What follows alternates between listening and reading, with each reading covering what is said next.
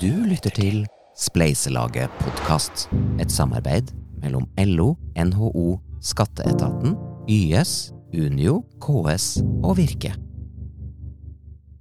Se for deg følgende. Det er altfor tidlig om morgenen, og Truls og Jenny sykler til skolen. Truls befinner seg i Tromsø, Jenny er i Miami. Begge har dårlig tid, og ingen ser bilene som kommer i stor fart fra ingen steder. Ulykkene er ikke til å unngå. Begge får hjelp på stedet, men det som skjer etterpå, er helt forskjellig. Og det handler om penger. Mye penger. Norge og USA er to av landene som bruker mest penger på helse i hele verden. Men hvorfor er det da så stor forskjell på hvordan vi betaler for denne hjelpa? Og hvor bra funker den norske eller den amerikanske løsninga? Spleiselaget podkast handler i dag om helse i Norge og USA. Du får høre om hvordan vi betaler for en sykeseng her hjemme og over Atlanterhavet, litt om rock, og litt om hvordan det går med Truls og Jenny.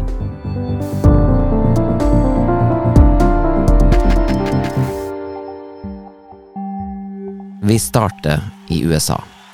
Rockens hjemland. Det er også hjemlandet til The American Dream, den amerikanske drømmen. Et uttrykk James Truslow Adams satte ord på i 1931, og som siden har blitt omtrent like populært og amerikansk som rock'n'roll. Den amerikanske drømmen betyr frihet og likhet for alle, uavhengig av hvem du er og hvor du kommer fra. Alle amerikanere har et forhold til denne drømmen. Også Kevin. Det var først og fremst å kunne oppnå det du ville. Du skulle ha frihet til å velge, og du skulle kunne få til det du ville, bare du jobbet hardt nok. Kevin Steinman ble født i Japan og vokste opp i California og Tyskland. Som 13-åring i Berlin i 1989 så han på nært hold at den amerikanske drømmen vant fram også der. Og så hoppa vi i bilen og kjørte til Brandenburger Tor. Og da var det så mange glade østberlinere som liksom så på oss at vi hadde USA-skilt på å vår, og, og tuta, og var liksom så glad. Da muren ble åpna, hørte mange fra Øst-Berlin rock for første gang. Blant annet ble Billy Joels We Didn't Start The Fire spilt gjennom hele natta. Ikke rart at rock og musikk etter hvert ble jobben til Kevin. Å kunne bli musiker, hva tenkte foreldrene dine om, om det her, da? De advarte meg å få en ordentlig utdannelse og få en jobb. Klippe håret og få deg en jobb? Ikke sant? Og prøve å få musikk til ved siden av. Så det var ganske greit at jeg fikk til å få en jobb i musikk og si haha, mom and dad, you were wrong. og det fortsetter å gå sykt bra med Kevin og bandet. Vi sang for imponerende mange, og vi hadde gode konserter. Og, og så hadde dere i tillegg en, en stor fan ja, han Alan Menken likte oss veldig godt, og skrev en låt for oss, faktisk. Menken har vunnet åtte Oscar og elleve Grammys for musikken sin. Altså, han ville gjøre oss til de nye Backstreet Boys den gangen. Ok. Så var Kevins jobb som musiker med helse i Norge og USA å gjøre? Vi kommer til det. Etter fire år så var jeg plutselig in charge. Da overtok jeg ledelsen av bandet. På hvilket tidspunkt var det dere tenkte at vi må skaffe oss helseforsikring. Det var det året. Vi bestemte oss fordi vi hadde et ganske godt år, at vi kunne enten øke lønnet vårt eller kjøpe helseforsikring. Og da tok vi det, det voksne valget.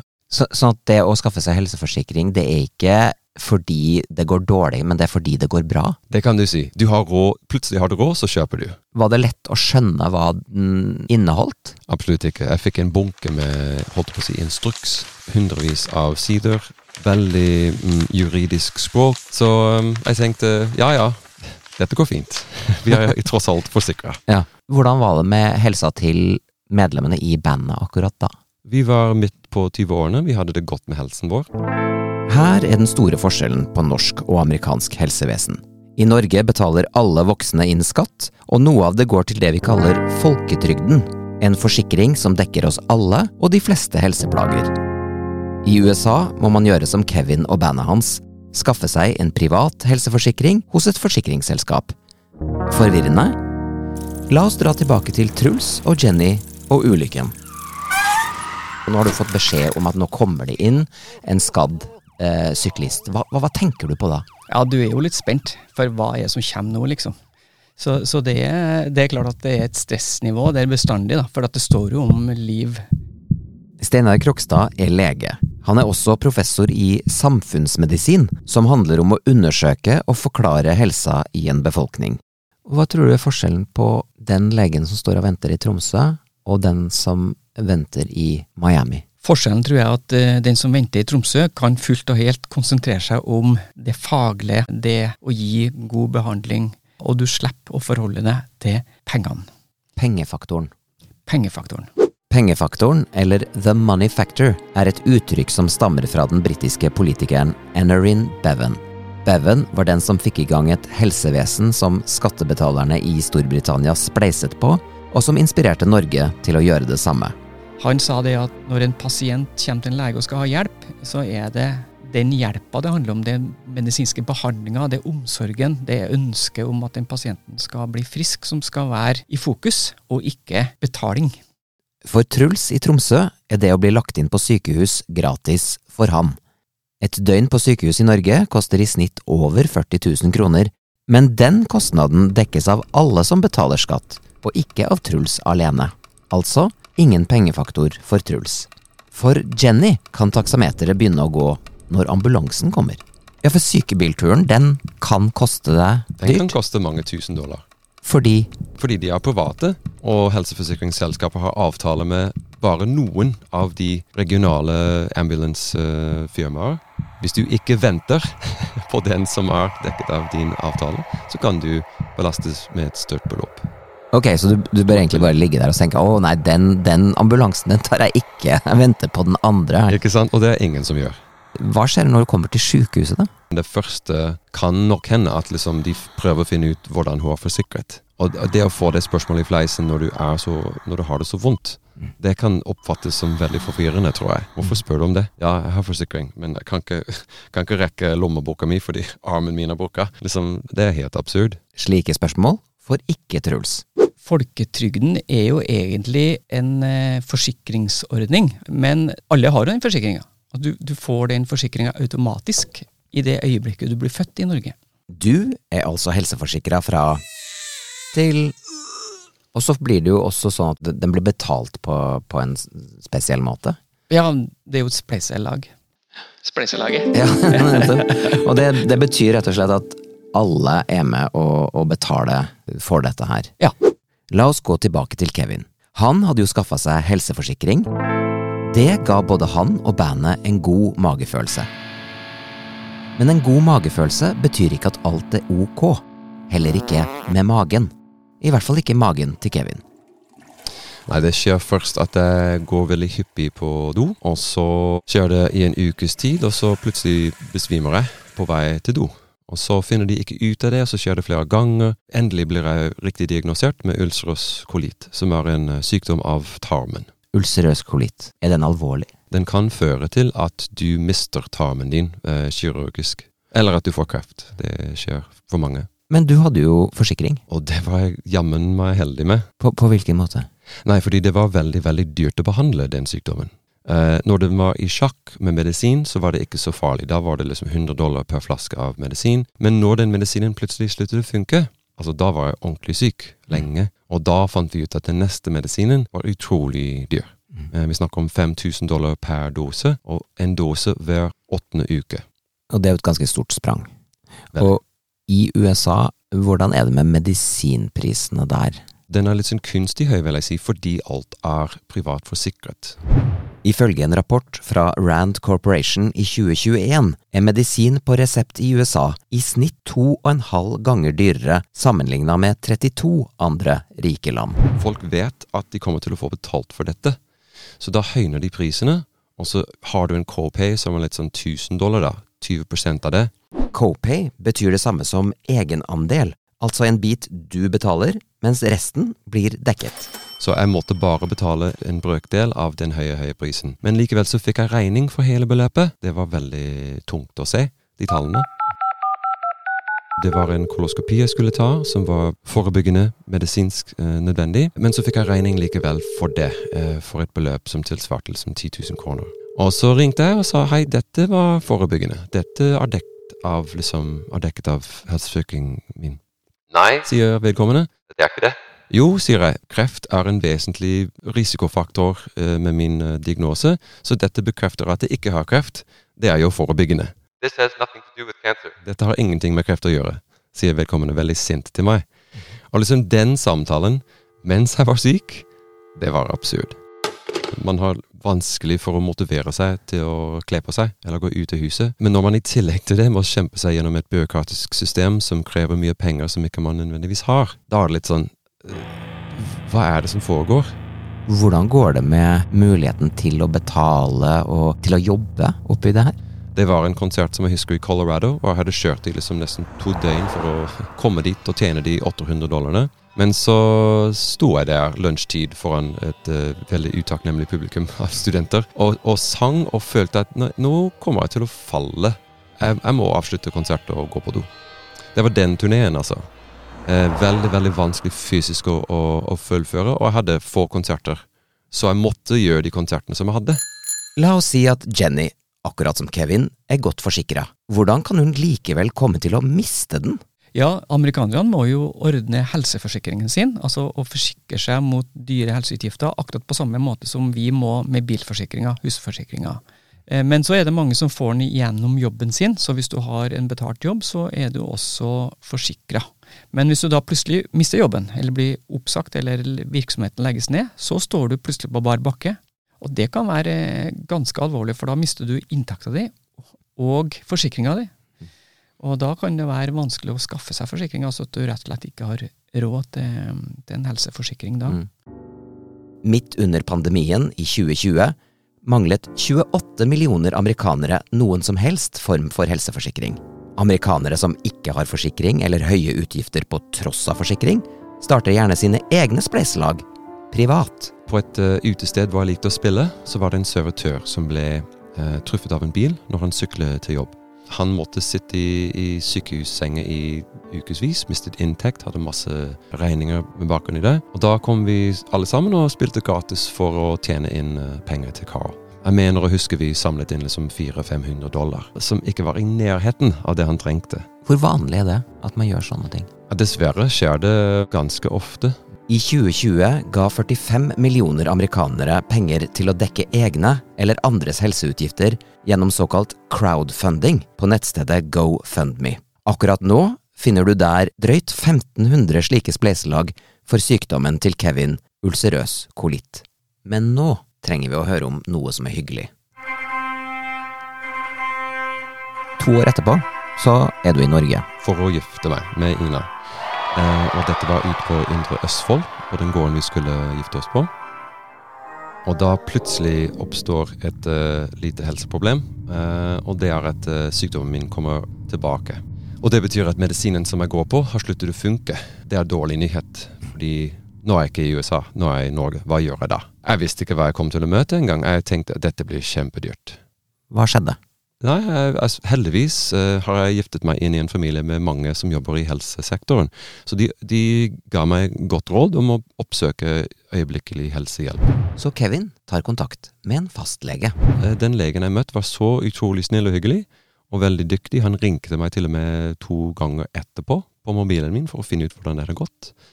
Og medisinen han uh, ga meg, hjalp, og den var billig, og jeg var ikke forsikret. Og jeg, jeg satt og klødde meg i håret og tenkte hvordan er dette mulig? Hvordan kan en uforsikret eh, person her i Norge få liksom, mindre stressende behandling og bedre resultater enn i USA, hvor man betaler så mye? Det, det var veldig oppsiktsvekkende. Hva tenker du er, er den største forskjellen på møtet med amerikansk helsevesen og norsk helsevesen? I møte med helsevesenet så blir du stilt det spørsmålet 'hvordan har du det?' fremfor 'hvordan kommer du til å betale for dette'? På en mer sånn generell plan så vil jeg si at alt det kostnadsbasert er liksom på en måte skjult for deg. Det er ikke oppi ansiktet ditt med masse regninger og post som kommer og Det er heller sånn at alt det blir dekket av det vi alle betaler felles i skatt. Og Det er veldig veldig greit å liksom slippe det én-til-én-forholdet mellom ditt personlige ansvar finansielt og din behandling. Det er en veldig vesentlig psykologisk uh, forskjell, mener jeg. Ja, nå kan det høres ut som at alt ved det norske helsevesenet er bra og uproblematisk. Men vi bruker litt under hver femte krone av det storting og regjering kan bruke på nettopp helse. mens du nok mer enn én gang har hørt om køer for behandling og operasjoner. Så vi ber legen om å stikke hull på noen myter. Én myte er at norsk helse er gratis. Eh, nei, det er ikke helt riktig, det. Men nå er gratis. Eh, og det å bli innlagt på sykehus eh, hvis du er alvorlig syk, er gratis i Norge. Jeg har kalt det diamanten i den norske velferdsstaten. Syns det er en fantastisk ordning. Og barn går jo gratis til lege og tannlege, men er du voksen så må du betale da en egenandel. Men den er også billigere enn det ville vært hvis vi ikke hadde betalt skatt og finansiert helsevesenet gjennom skatt, som vi alle gjør, da. Så det er et spleiselag der, da. En annen myte er at helsevesenet vårt bare er offentlig. Ja, vi har jo et innslag av private helsetjenester. Et eksempel er jo fastlegene, for mange fastlegekontor er jo private. Men det fungerer utmerket fordi at eh, det er organisert på en god måte gjennom at fastlegen har ansvar for et bestemt antall personer og skal gi gode helsetjenester til de personene. Så fastlegen kan ikke velge pasientene som har mye penger, og velge bort pasienter som har lite penger. Han må faktisk eh, behandle alle like godt. Og eh, sånn sett så er da de helsetjenestene tilgjengelige for alle. Men det er også en myte at alt er knirkefritt med fastlegeordninga. I starten av 2022 mangler godt over 100 000 nordmenn en fastlege. Allikevel er det ikke en myte at norsk helsevesen har høy standing også internasjonalt. I en uh, stor undersøkelse som heter Commonwealth Fund blant elleve rike land, hvordan uh, går det med Norge der? Jo, vi er på toppen. ikke sant? Gullmedalje. Vi er rangert som det beste helsevesenet i, i blant de elleve land som er sammenligna. Mye av grunnen til det at alle har tilgjengelighet til lege, alle, kan, alle har en fastlege.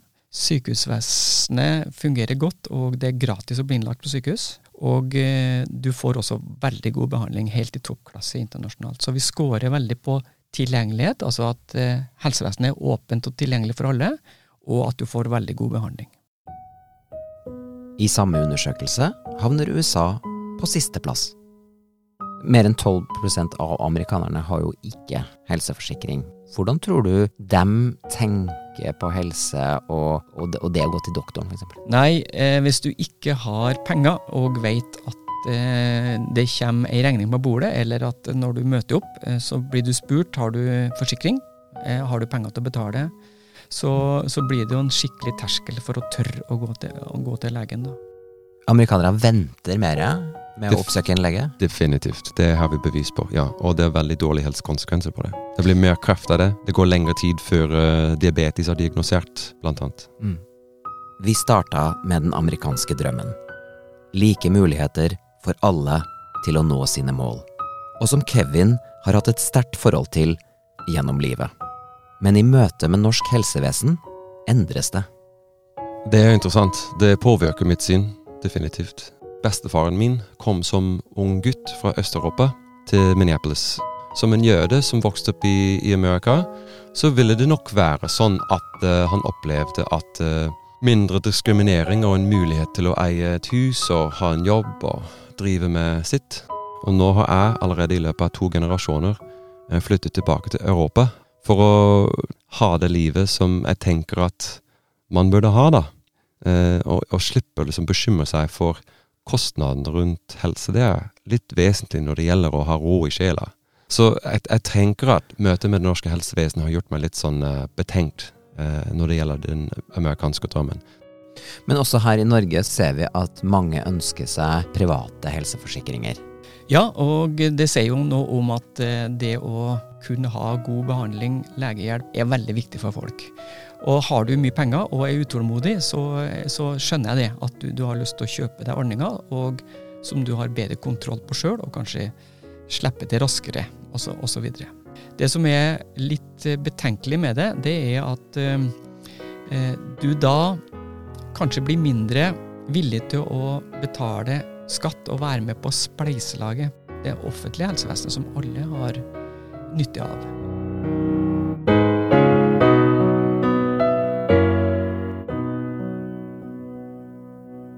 I denne episoden av Spleiselaget podkast har du hørt om hvordan vi betaler for helse gjennom skatt i Norge og gjennom forsikringer i USA.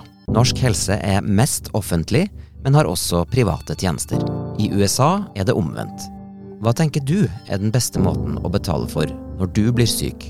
Bør vi ha mer eller mindre av private ordninger også her? Og er det riktig å bruke nesten hver femte krone politikerne rår over til helse, når det gir oss et av verdens beste helsevesen? Du har hørt Spleiselaget podkast, et samarbeid mellom LO, NHO, Skatteetaten, YS, Unio, KS og Virke.